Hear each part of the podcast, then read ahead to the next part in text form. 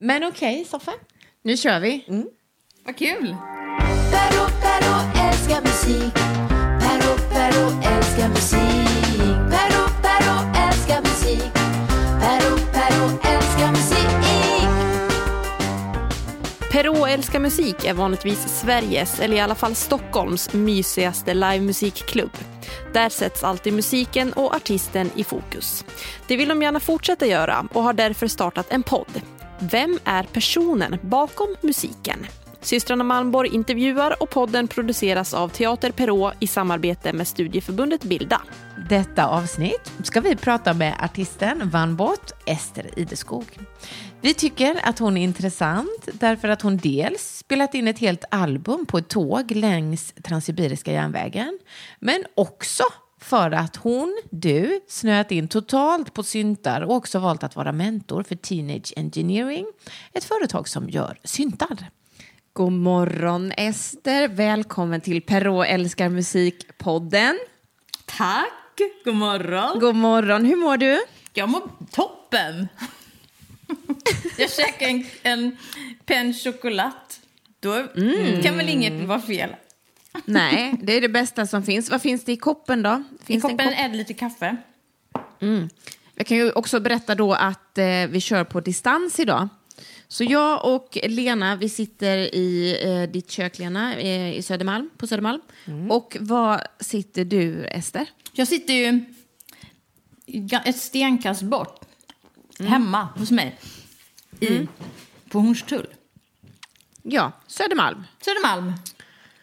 Samma ö. Mm. Ja. Mm. Och jag undrar ju var du befinner dig, för där är du ju fysiskt just nu. Men jag är ju nyfiken på var du befinner dig i eh, livet. Eh, för jag vet ju att ni är på väg från Stockholm och att du är liksom mitt i en flytt. Ja. Eh, kan du berätta lite om det?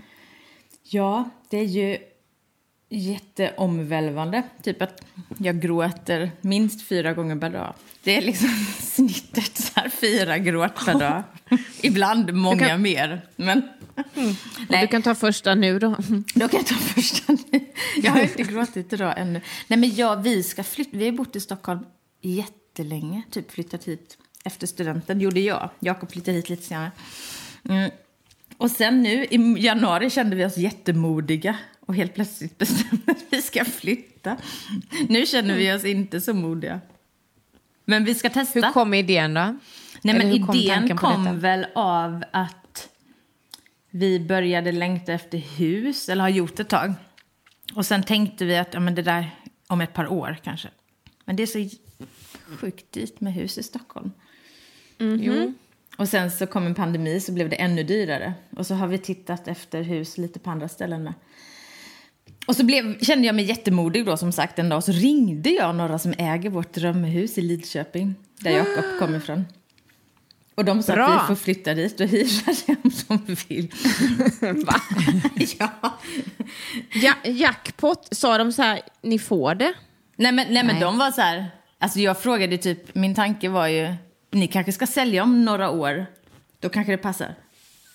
Men de bara, nej men ni kan få, det står tomt. Ni får hyra det. Underbart. Det känns var... som sånt inte händer, men det men har vet, uppenbarligen men det hänt. hände då. Och sen så tänkte vi bara, nej men det är inte, vi ska inte flytta nu. Men så åkte vi och tittade på det och typ dog för att det är typ vårt drömhus. Så vi ska testa och bo där. Mm. I alla fall ett år. Och det kan väl inte vara så farligt. Nej. Att testa. Och jag tänker ju så här, alltså för att ändå koppla det till musik.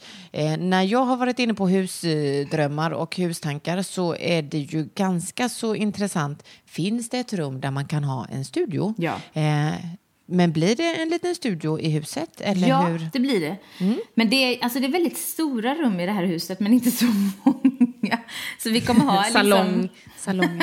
ja, Musiksalongen. men typ. Nej, men det går ju alltså att ordna. Men, nej, men det är väldigt kluvet. Men vi tänkte väl typ att det är kul att testa något annat. Att vi älskar Stockholm, men att det kanske är härligt att bo på ett annat sätt. Jag vet inte. Vi får ja, se. Helt rätt. Och Stockholm finns kvar. Ja. Eh, och på tal om pandemi, som man ju nästan inte kan undvika, men vi har ju startat den här podden för att vi inte då kan bjuda in eh, musiker och artister till eh, en eh, teatersalong. Eh, så vi har ställt om helt enkelt. Men vi är ju lite nyfikna på hur, alltså förutom att ni ska flytta eh, och att tankarna på flytt har accelererat för att det är en pandemi. Men hur har det påverkat dig yrkesmässigt? För du är ju både artist och sen är du också sjuksköterska. Har liksom, Pandemin menar du? ja, att det har blivit så förändrade förutsättningar för båda de yrkena. Ja, verkligen. Eh, men hur har det sett ut det senaste året för dig? Ja, men det har ju påverkat massa, fast alltså också mindre. Jag tänker, jag jobbar ju lite som sjuksköterska på akutmottagning. Efter hur mycket jag har tid. Um, men det var ju en sån himla omställning när pandemin kom.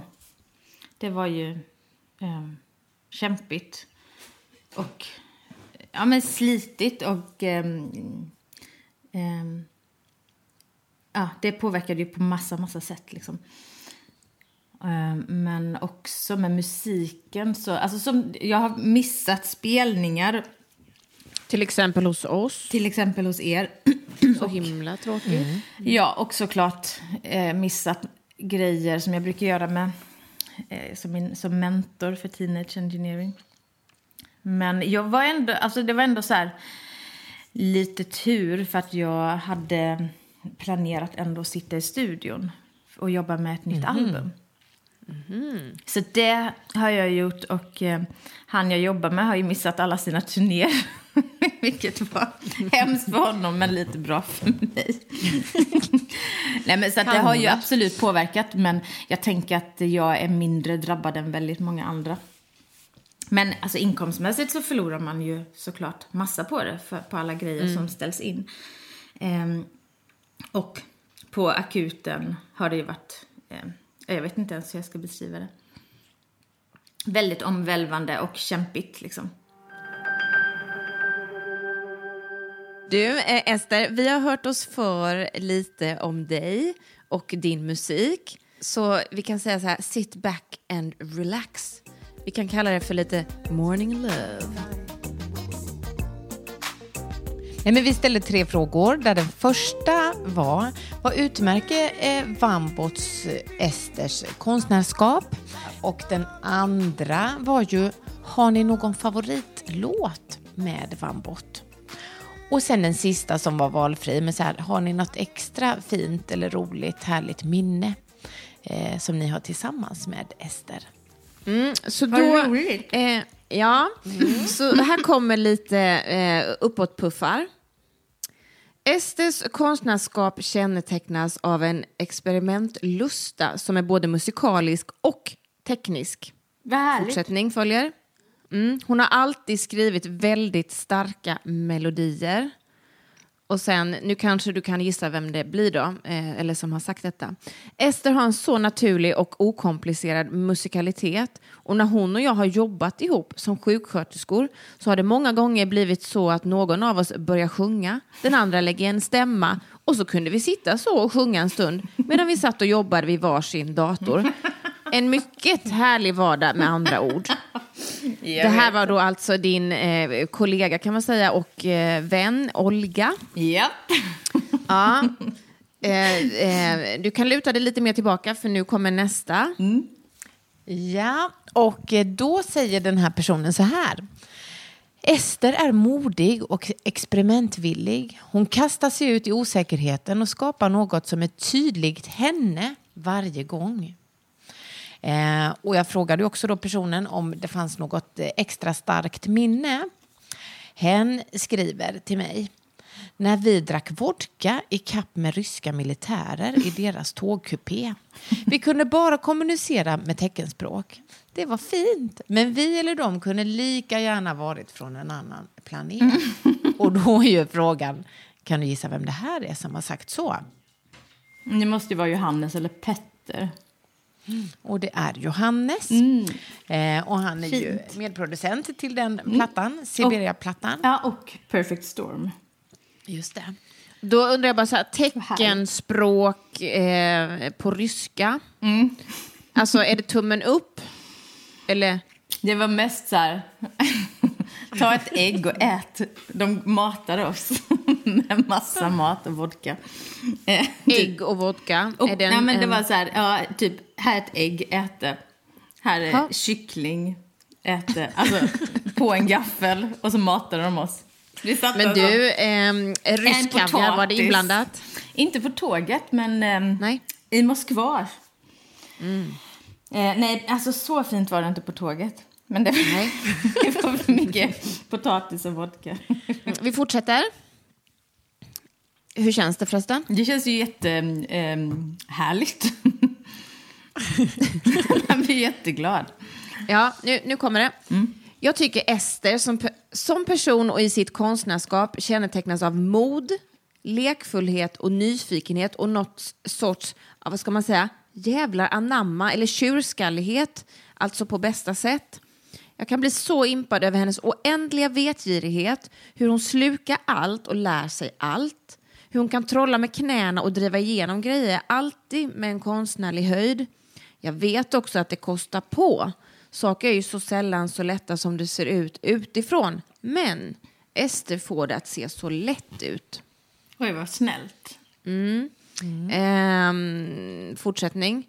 Starkaste minnet. Innan vi kände varandra och inför att hon skulle göra, ge ut sin första platta bjöd hon ut mig på ett glas för att fråga till råd som grejer. Hon var rolig men flummig. Jag visste inte riktigt vad jag skulle tro om henne. Sen drev hon igenom hela sitt första platssläpp på ett helt eget och alldeles strålande sätt. Tror jag hade noll impact på det. Men det var i alla fall ett litet annorlunda första möte. Vem, pratar, vem har sagt detta tror du? Jag tror det är Jenny Abrahamsson. Ja, det var rätt. Men du, något som går igenom hos alla de här personerna är modig. Ja. Känner du dig modig? I januari kände jag mig jättemodig när vi sa att vi skulle flytta. Ibland kan jag känna mig modig och får jag en idé så... Jag vet inte. Det känns så tråkigt att eh, inte genomföra. Typ. Men har du någon gång gett upp då? Eller är det så här, du är så envis att allt du tar dig för, det genomför Nej, men- du? Efter, alltså Siberia som var mitt förra album, det som vi spelade in och skrev på tåget. Efter det så var jag så sjukt sliten. Så då ställde jag faktiskt in turnéer och massa grejer. Jag skulle, vi skulle göra en rolig och tokig turné i Ryssland, bland annat. Och andra grejer. Men då var jag helt... Eh, alltså, jag vet inte, jag har aldrig gått in i väggen, men jag tänker att det var nära. Eller så var jag där. Men jag var väldigt trött och slut och fick mest ångest av allting. Och ville inte göra någonting längre. Du, eh, det här som kostade på ganska mycket, eh, tågresan. Det var alltså en 17 dagar lång tur mellan Moskva och Peking. Ehm, Alltså själva vad- tågresan och inspelningen av produktionen av albumet var ju bara härlig. Men det var väl arbetet efteråt med att ge ut skivan som var väldigt slitigt. Hur kom du på idén med ett tåg och varför? Jag Ja. tänker kla- klaustrofobiskt att... Ja. Nej men det var inte så klaustrofobiskt. Det var, jag, jo men så här var det ju. Jag släppte ett album, mitt första album, som gick rätt bra med tanke på att jag inte hade några pengar eller ingen PR eller någonting. Eh, och sen gjorde jag ett till album som jag helt nojade ut över och slängde. Eh, vilket jag faktiskt ångrar nu idag. Det var många fina låtar. Men, Ja, men eh, vad, vad då slängde menar du? Nej, men det var, ja, det var inte helt klart, men det var ju liksom en väldigt, väldigt långt kommet. Nej, men jag... Ja, men de finns kvar? Nej. Jo, fast jag, jag eh, liksom började om.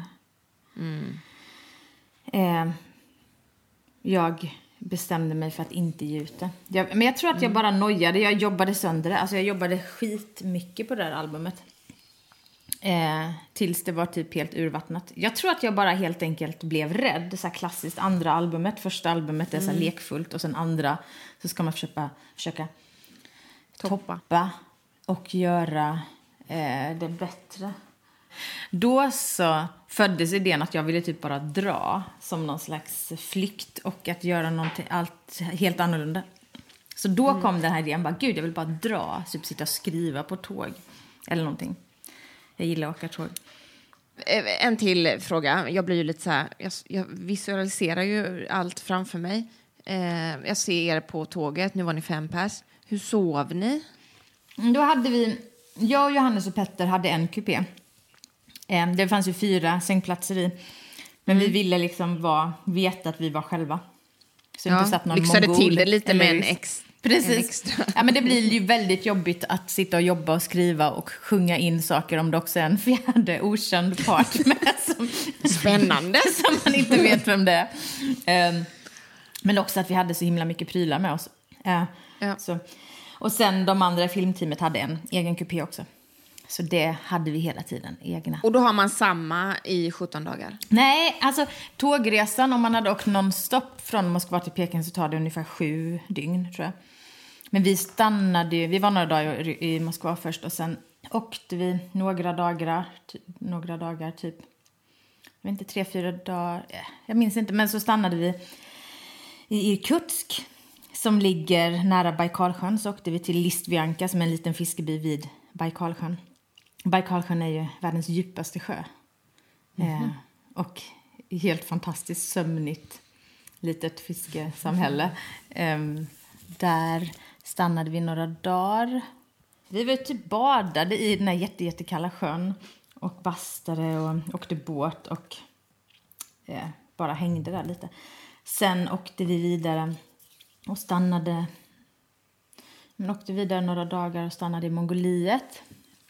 Och då var vi ute, åkte vi fyra timmar bara rakt ut i, i vildmarken. Alltså inga vägar, bara typ över slätter och dalar. Och, nej, men det var helt eh, sjukt att, att de visste vad de skulle. Och så bodde vi i såna här gears som är, vad heter det? Gear är mongolska ordet för det. Fundera på vad det... Tält? Ja, men det heter ju något speciellt. Tippi? Ja, men alltså det är, finns ju ett ryskt ord för det också. Koja? Koja! Ehm, Nej, men jag vet inte. nej, men jag ska ta fram det här. Det är lite jobbigt. Jurta! Ja! Ja. Så då bodde vi ute i såna gears, eller jurta, ehm, i några dagar. Ute bara mitt i ingenstans. Det fanns ingen, ingen eh, eh, internetuppkoppling, inget, ingen mobiltäckning och bara så här, ingen el. Eh, Men en fantastisk stjärnhimmel, Ja, eller? men det var helt, det här, det är typ bland det bästa jag gjort i hela mitt liv. vi bara ja, var men det släppte och det kom så här jorder med får och getter, vilda hästar som bara strövade fritt och örnar och Helt overkligt, eller? det var helt overkligt. Och där Men du, vilken resa. var vi ute och red några dagar och spelade in. Och sen åkte vi vidare på tåget igen och åkte till Peking och i Peking var vi också några dagar. Så totalt sett så var det väl 17 eller 20 dagar eller något. Och sen eh, stannade vi några dagar. Eh, nu, Ester, så tänkte vi att eh, vi lyssnar på ett par låtar eh, som du har gjort. Och då tog vi faktiskt hjälp av kompisarna som vi nämnde eh, sist. Eh, de fick ju eh, säga vilken som var deras eh, Vanbott-favorit. Och om vi börjar med Johannes den här gången så nämnde han Trooper. Eh, och han säger att nej, men den är fortfarande så fet. Men du, ska vi inte lyssna lite på eh, Trooper? Jo, vi kanske måste lyssna först. Här kommer lite av Trooper.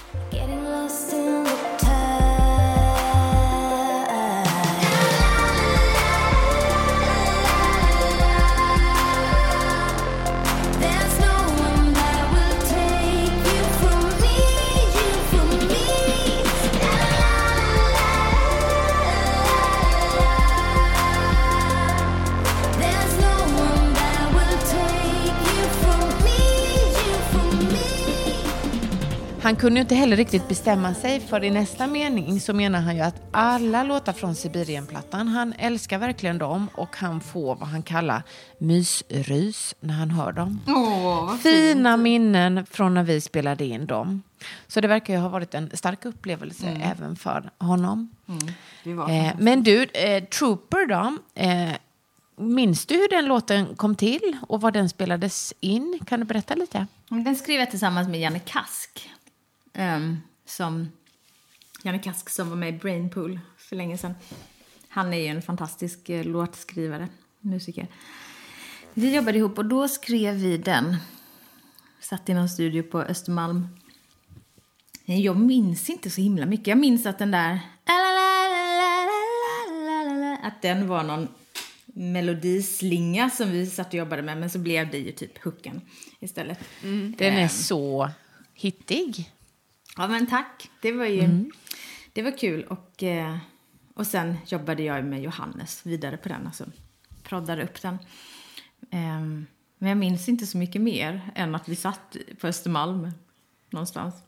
Men lyssnar du någonsin på eh, liksom, gamla inspelningar sådär för att är du nostalgisk av dig? Nej, Eller tittar jag du alltid lyssnar- bara framåt? Nej, jag lyssnar ju aldrig. Alltså jag vet inte ens när jag hörde den låten senast. Nej, det gör jag inte. Men det är ett låttips för den är faktiskt väldigt bra. Lyssna på den sen. Du, och sen ehm, kommer här Olgas favorit och den är Louder från Ja. Siberia-skivan. Och då heter den Louder Ulan Ude. Ulan U, hur säger man? Ulan Ude, tror jag. Ja, det var inte helt tokigt då. Nej.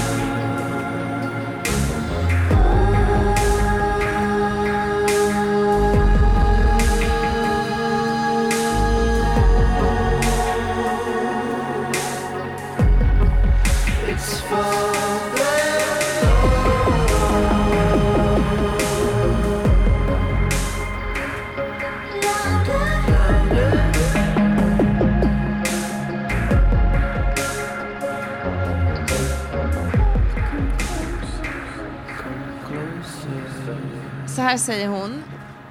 Den har såna powerballad-attribut. Och att Ester och Petter Winberg då, eh, från Amazon sjunger så fint ihop. Vad har du för relation till den här låten, Ester? Men den är, jag tycker väldigt mycket om den. Den är så, jag får, väl, jag får väldigt starka minnen från ja, men tåget. Det var typ precis innan vi kom fram till Mongoliet. Alltså Ulan Ude är ju en gränsstad, om jag minns rätt. Eller om det, men jag tror att det ligger i Ryssland, men det är liksom precis innan Mongoliet. Ehm, men det var också det att det var där någonstans som man bytte spårbredd. Det är så här konstigt, för någonstans Just det. om det är mellan, nu, alltså jag blandar ihop det här, om det är mellan Ryssland och Mongoliet eller Mongoliet och Kina, men där man liksom, det är en olika annan spårbredd. bredd. Precis, och då lyfter de upp hela tåget. Just det. Och så får man sitta där och så byter de liksom alla hjul och allt Det är jättesmidigt. Det är jätteroligt också att man sitter upphissad i flera timmar. Och så byter de halva, alltså byter hela underredet på tåget. Nej, vi kan inte lösa det här. Vi byter hjul helt enkelt. dag. precis. Eller, För att man inte kan komma överens om vilken spårbredd man ska ha. Men nu blev det en annan story. Men i alla fall, jag minns, eh, jag, tänker jättemycket på, på eh, just landskapet. Eh, och i Mongoliet också, som vi liksom kom in i där, det, då var det så osvetsad räls också, vilket gör så här, det dum, dum, det. Det var väldigt tydligt så. Och då här var det också något sånt diesellok istället för ellok, så att det blev väldigt så här bolmade rök. Och sen, jag vet att vi jobbade på den här även när vi kom in i Gobiöknen.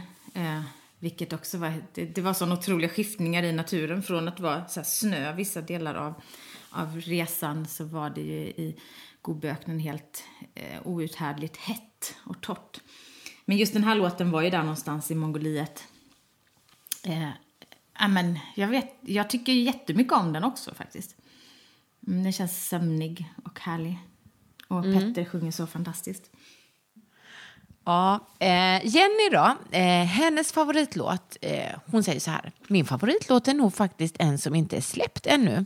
Så jag vet ju inte om jag får avslöja titeln. Men den är brutal. Och jag tänker att vi inte nämner den om du inte är väldigt nyfiken då på, ja vilken är det hon menar då? Ja, men jag tror hon menar en låt som heter I will never not have had you, tror jag att den ska heta.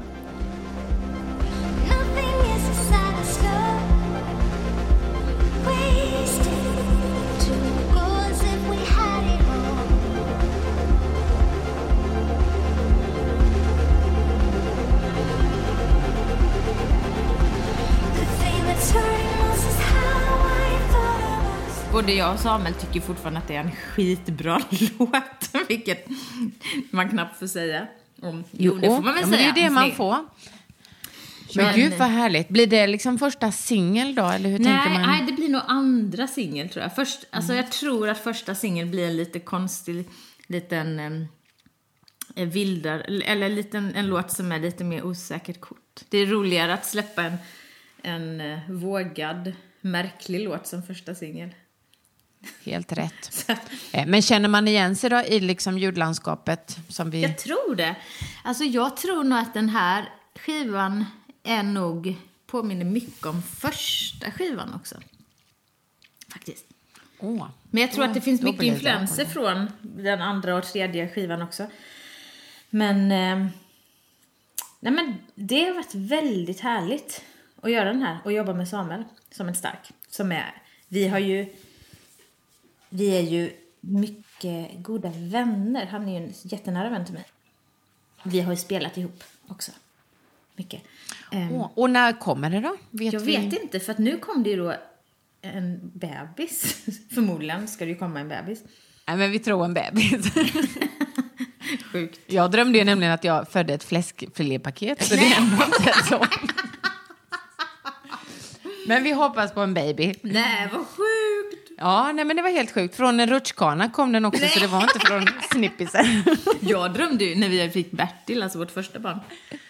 Då drömde jag att det kom ut ett barn som bara var så otroligt gam, så här, lillgammalt och bara Mamma, jag har ju mina behov. Och du måste tänka på Alltså att som du ska... nyfödd? Ja, en liten bebis liksom. Typ skäggig också. Och pratar om sina behov. Otäckt.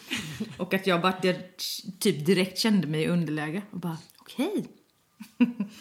Nej, det men processas mycket ja, i det våra processas drömmar. väldigt mycket. Men jag var i alla fall väldigt besviken. Bara, Jaha, fläskfilé, vad ska jag göra av den här?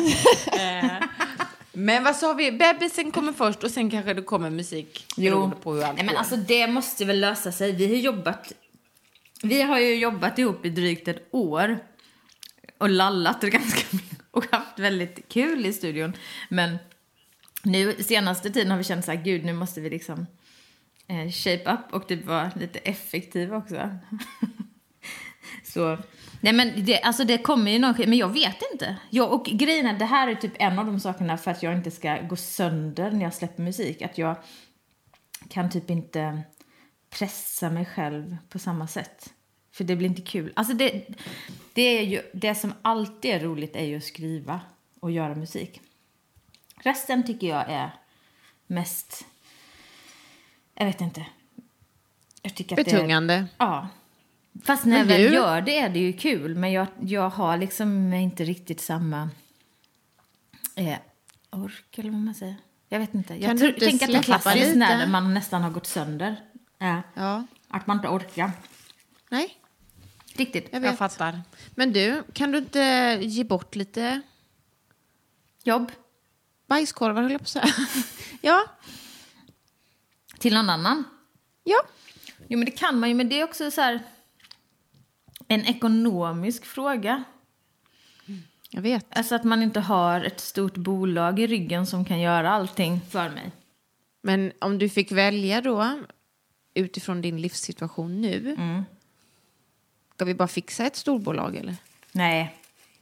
Nej. Nej, jag tror inte det. Alltså, jag har ju varit... Eller jag har ju tackat nej till alla grejer som har kommit hittills för att det inte har varit så bra. Det finns säkert jättemånga situationer där det kan vara bra.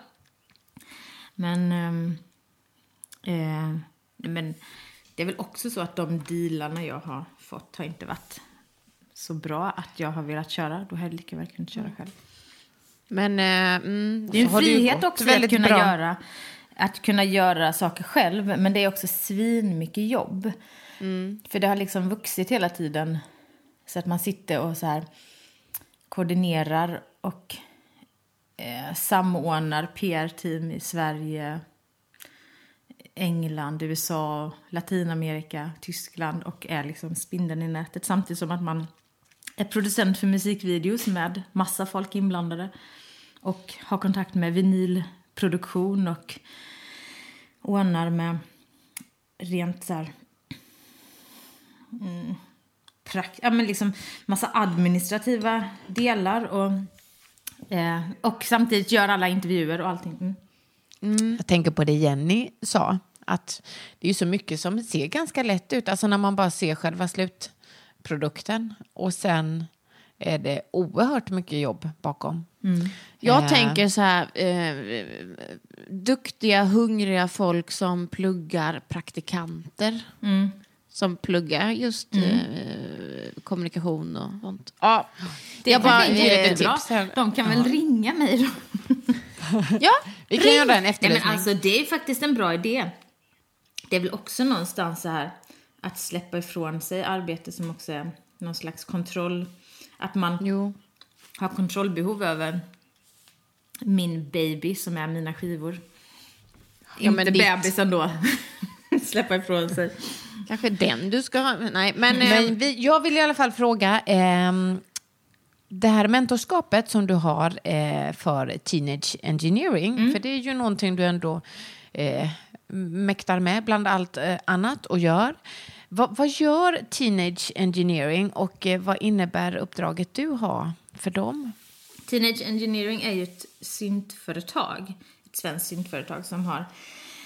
Eh, ja, men hur många år de har funnits? Jag tror de har funnits i kanske 12 år eller någonting. Men de, det var liksom deras eh, OP1. Den synten släpptes för 10 år sedan. Det är precis nu 10 års jubileum för den. Det var väl med den synten som saker verkligen började hända. Det är, jag har ju två stycken OP1 här. Nej, men jag kan visa, nej, jag kan visa er, men det syns ju inte sen kommer jag på. nej, det syns ju inte, men om du hämtar så ska jag försöka förklara vad det är jag ser. Ja, men den ja, här... nu ska vi se. Då har vi en svart eh, låda som ser Ja, ut som bara- ett tangentbord. Det här är Kolla. Då är den grå. Ja. Som Grå ett tangentbord. Med lite färgglada knappar och rattar längst Ja, upp. men deras, alltså deras eh, grej som jag tycker i alla fall, de gör svinbra syntar. Ehm, som också där designen är väldigt lekfull. Och skitsnygg. Alltså det känns Man ju vill som ju... så här, Ja, man ser ju den och så tänker jag så här, där skulle jag vilja börja knappa lite. Ja, och hela liksom user interface, vad säger man? Ja, men det Mm. som syns ser väldigt lekfullt ut. Men den är, man ska inte liksom låta sig luras och tro att det här är någon leksakssynt. Men Nej, det nej, ser det väldigt min- lekfullt ut. Säger du nu att jag inte skulle... Fick, skulle jag få pilla på den eller? Ja, ja, ja. Hemma hos dig? Hur mycket som helst. Ja.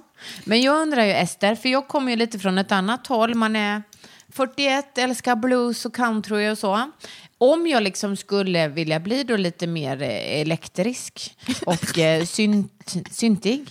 Hur, hur svårt är det? Liksom, hur många steg är det tills det man kan använda en... Vad hette det nu sa du? OP? Men den här heter Ett. OP1. Men OP1. den, alltså de har ju släppt massa syntar. Eh, och högtalare och massa andra grejer. Men hur börjar man jobba med opetan? Nej, men man bara testar. Kanske kolla testar. på någon tutorial eller någon workshop online. Men Som du har gjort. kanske som jag har gjort. Nej, men jag gör ju, just det, du frågade också vad mentorskapet är. Alltså mentor, det är väl jag vet egentligen inte, typ har hållit mycket workshops och testar deras grejer och eh, alltså eh, funkar lite som ehm, Kan man inte säga Alltså, typ ambassadör? Ja, liksom? ambassadör kanske. Och, men också för mig har det varit en del undervisning. Nej, men och jag har gjort workshops på skolor och på festivaler och på, eh, alltså för små sällskap, så här, unga producenter och popkollo och när man är iväg och giggar så gör man workshops också. För det, det är också skitkul, för det är verkligen, ja, men det jag tänkte säga som jag älskar med teenagers är att det är ju, ja men de, det är så här lekfullt och ska vara enkelt. Många syntar som man jobbar med är ju så här ett otroligt stort steg att ens så här ta sig an det. Och säkert om man inte har jobbat med syntar innan. Ehm, men jag brinner verkligen för det här att det ska vara tillgängligt och det, så är det verkligen med teenage. Eh, att man, det ska vara så här lätt att bara sätta sig och leka fram någonting. Eh, och att det inte ser så svårt ut och alla kan göra det. Och jag har jobbat mycket med deras Pocket Operator som är en typ av sequencer, de här fixsyntar.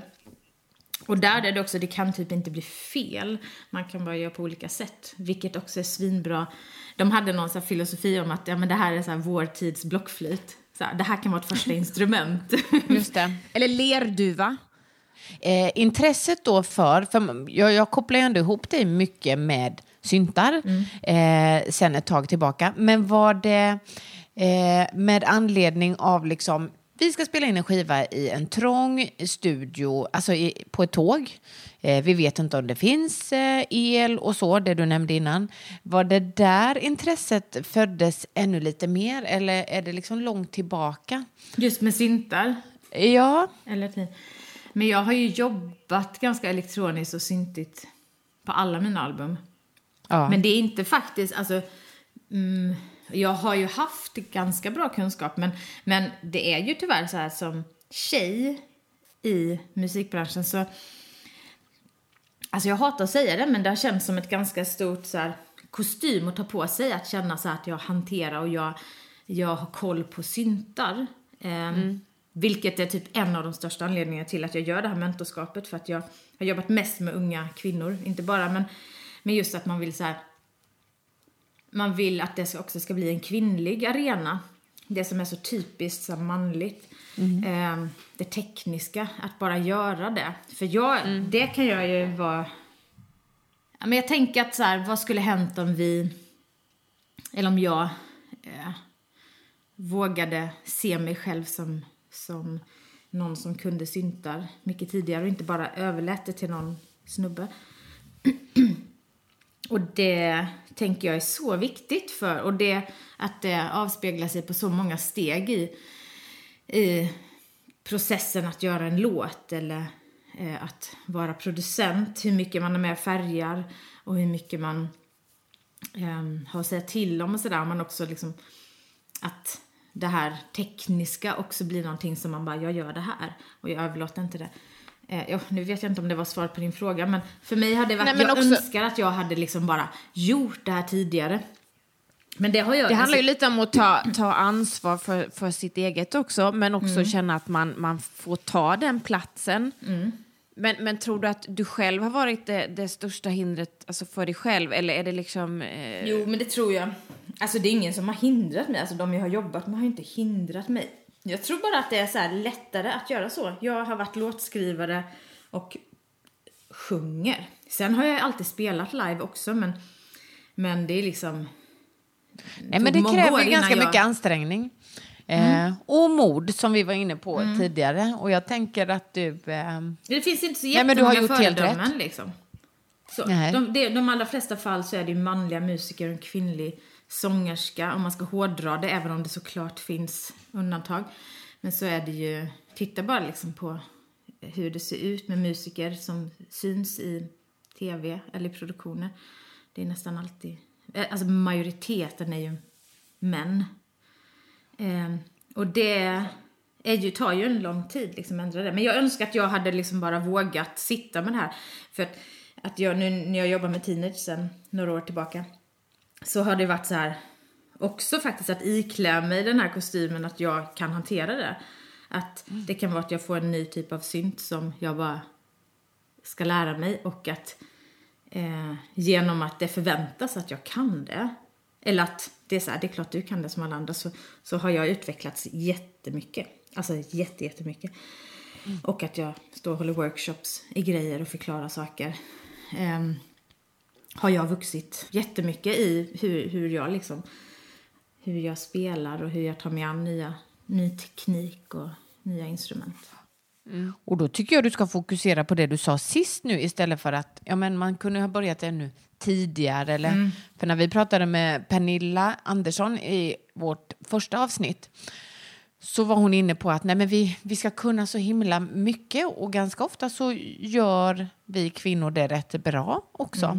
Ehm, men jag tycker fortfarande att vi är lite så här, åh man skulle ha börjat ännu tidigare, man skulle ha gjort, klappade istället lite på axeln och så här, ja men nu har jag gjort det här ett par år och jag har kanske gjort lite skillnad. Man hoppas ju det. Nej men precis, och det är ju något viktigt i det med att man inte behöver göra allt, men nu gör jag ju det för att jag driver min egen label.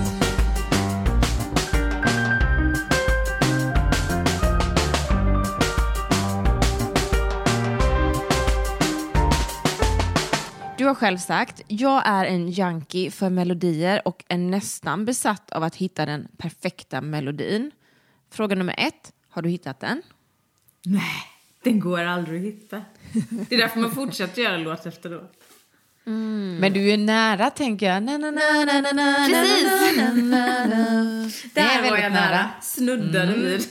Och eh, eftersom du var så himla nära så kanske du behöver en liten puff till. Så nu ska jag och Lena hjälpa dig ehm, på traven. Ja! Ja, för så här, vi nynnar några melodier och så ska du få analysera eh, och känna efter, tycka. Alltså det du ska bedöma det är den spontana känslan med ett ord. I Till exempel wow kan vara ett ord eller nja. Eh, sen ett betyg 1 till 5. Och 1 till 5 vill vi även då ha en motivering. Varför blev det en etta eller en femma på den här melodin? Eh, är du redo? Mm, är, det här låt, är det här låtar som finns eller något ni hittar Ja, på? det är låtar som finns. Eh, Så vi börjar, alla vi tre tror vi har sjungit eh, gospel en gång i tiden. Så första melodin, eh, det blir lite så här. Soon and very soon we are going to see the king. Hallelujah. Soon and very soon we are going to see the king. Ja, vi stoppar där. Eh, spontana känslan? Eller reaktionen? Ja, men lite ett, trygghet kanske? Ja, det är ändå fint. och så betyget 1 till 5, hur liksom Melodi, står sig melodin? Nej, men kanske, kanske en trea? Ja. Den är inte jätte... Den rör sig lite så här... Inte så brett. Nej. Nej, men man får ju tänka in stämmorna Ja, då, men det är det. inte melodin. Nej. Men en trea, och motiveringen då till en Ja, trea. men det är svårt. Alltså, en sån låt som är så här traditionell gospellåt som man har liksom vuxit upp med. Det är väl det, det är tryggheten i att jag är uppvuxen i kyrkan och man så här har, har det med sig som blir någon slags trygghet. Okej, melodi nummer två. Eh, är du beredd? Ja. Okej. I know we could live tomorrow But I know we live today I know we could live tomorrow Ja, vi stannar där. Ja. Spontant. Men det är ju... Det är härligt. Ja, härligt. Härligt. Betyg 1 till 5. Med fyra kanske? Ja. En fyra. Och det var ju då Lales Live Tomorrow, för er som inte känner igen den. Och jag tycker det är, den är en väldigt fin melodi. Mr. Big to be with you. Vi tar där. I'm the one who wants to be with you. the one Deep inside I hope you feel it too. it too. Den, vad säger du om den spontana reaktionen? Det är ju klyschigt alltså. Ja, vänta. man säga så? Ja, Nej, men, alltså, det, men de lyckades ju med den. Alla kan ju den låten. Ja. Så det måste väl vara en stark trea. Ja. Och jag har väl Hur älskat tycker du- någon gång i tiden. ja, men eh, vad tycker du om det här upplägget? Eller Er- att vi skulle... ku- Den här tävlingen. Ja, ja, det var Jättekul. första gången vi testade. Ja, vad härligt faktiskt. Skönt också att ni, att ni sjunger tycker jag. Då ska vi se, men på tal om melodier då, är det liksom, skulle du kunna analysera vilka melodier som kommer till dig nu? Eller har du liksom ett melodispråk som, ja men det brukar bli ungefär de här tongångarna. Det är ju en svår fråga, men jag tycker att den är väldigt, eh, jag är väldigt nyfiken på om man det kan var en, analysera. en rolig fråga. Svårt. Alltså, jag... ja. Jag tror... För mig har alltid melodier varit så olika karaktärer, typ. Att det här är en... Ja, men som att det är olika personer med egenskaper och det är ju svårt att förklara. Men... Men så, och det är väl typ vissa typer av karaktärer då hos melodin som jag tycker om. Och som jag själv mm, blir, liksom, tycker slår an någon sträng. Som man vill försöka återskapa. Och vi har en annan, eh vad ska man säga, ett koncept som Ja. vi har kört på vår klubb, eh, Fem snabba. Eh, och när vi står då på Teater Perå i Teatersalongen så får alla artister välja mellan det ena eller det andra, fem snabba val. man går på magkänslan. Och sen hoppas jag ju att vi får göra om det här på scen någon gång. Ja. Inte allt för långt bort. Nej. Men Ja. är du redo för fem snabba? Jajamän. Ja. Jag börjar. Ja. Nattnakenbad i sjö eller morgondopp i havet? Nattnakenbad i sjö. Uppblåsbar cykelhjälm eller störtkruka? Vad var det sista? Störtkruka, det är Sofies lite roligare benämning för den här runda, rätt Ja! traditionella. Nej men, nej, men en sån här uppblåsbar hövding har jag ju haft.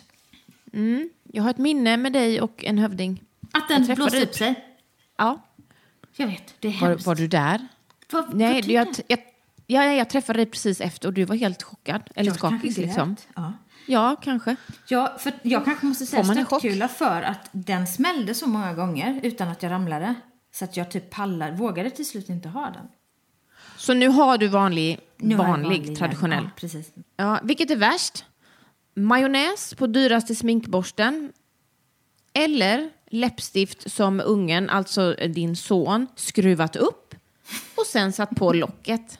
Ja, du fattar, han har liksom sabbat Det sista, läppstiftet. det händer jämt. Ja, det är värst. Mitt nya Ja. Marc Jacobs ser ut som ett krig. Ah. Nummer fyra. Sjunga duett med Charlotte Perrelli eller sommarjobba med Markoolio eh, på en djurpark. Oj! På en djurpark? Alltså ni ska spela och sjunga. Ja, det är liksom Ja, vi får inte ta hand om sommarscenen. djuren. Nej, men Nej. Nej. fy.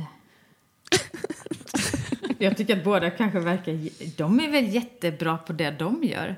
Men Ja, frågan ja. är vad vi ska kunna göra ihop. Vad ska jag göra där? Nej, okej, jag skulle Ja. ändå säga en duett med Perrelli för jag tycker att det verkar jättejobbigt att sommarjobba Ja. länge. Nej, jag vet Men tänk, men slager, det blir, kan bli kul. Kan man? Mm, det kan vara kul.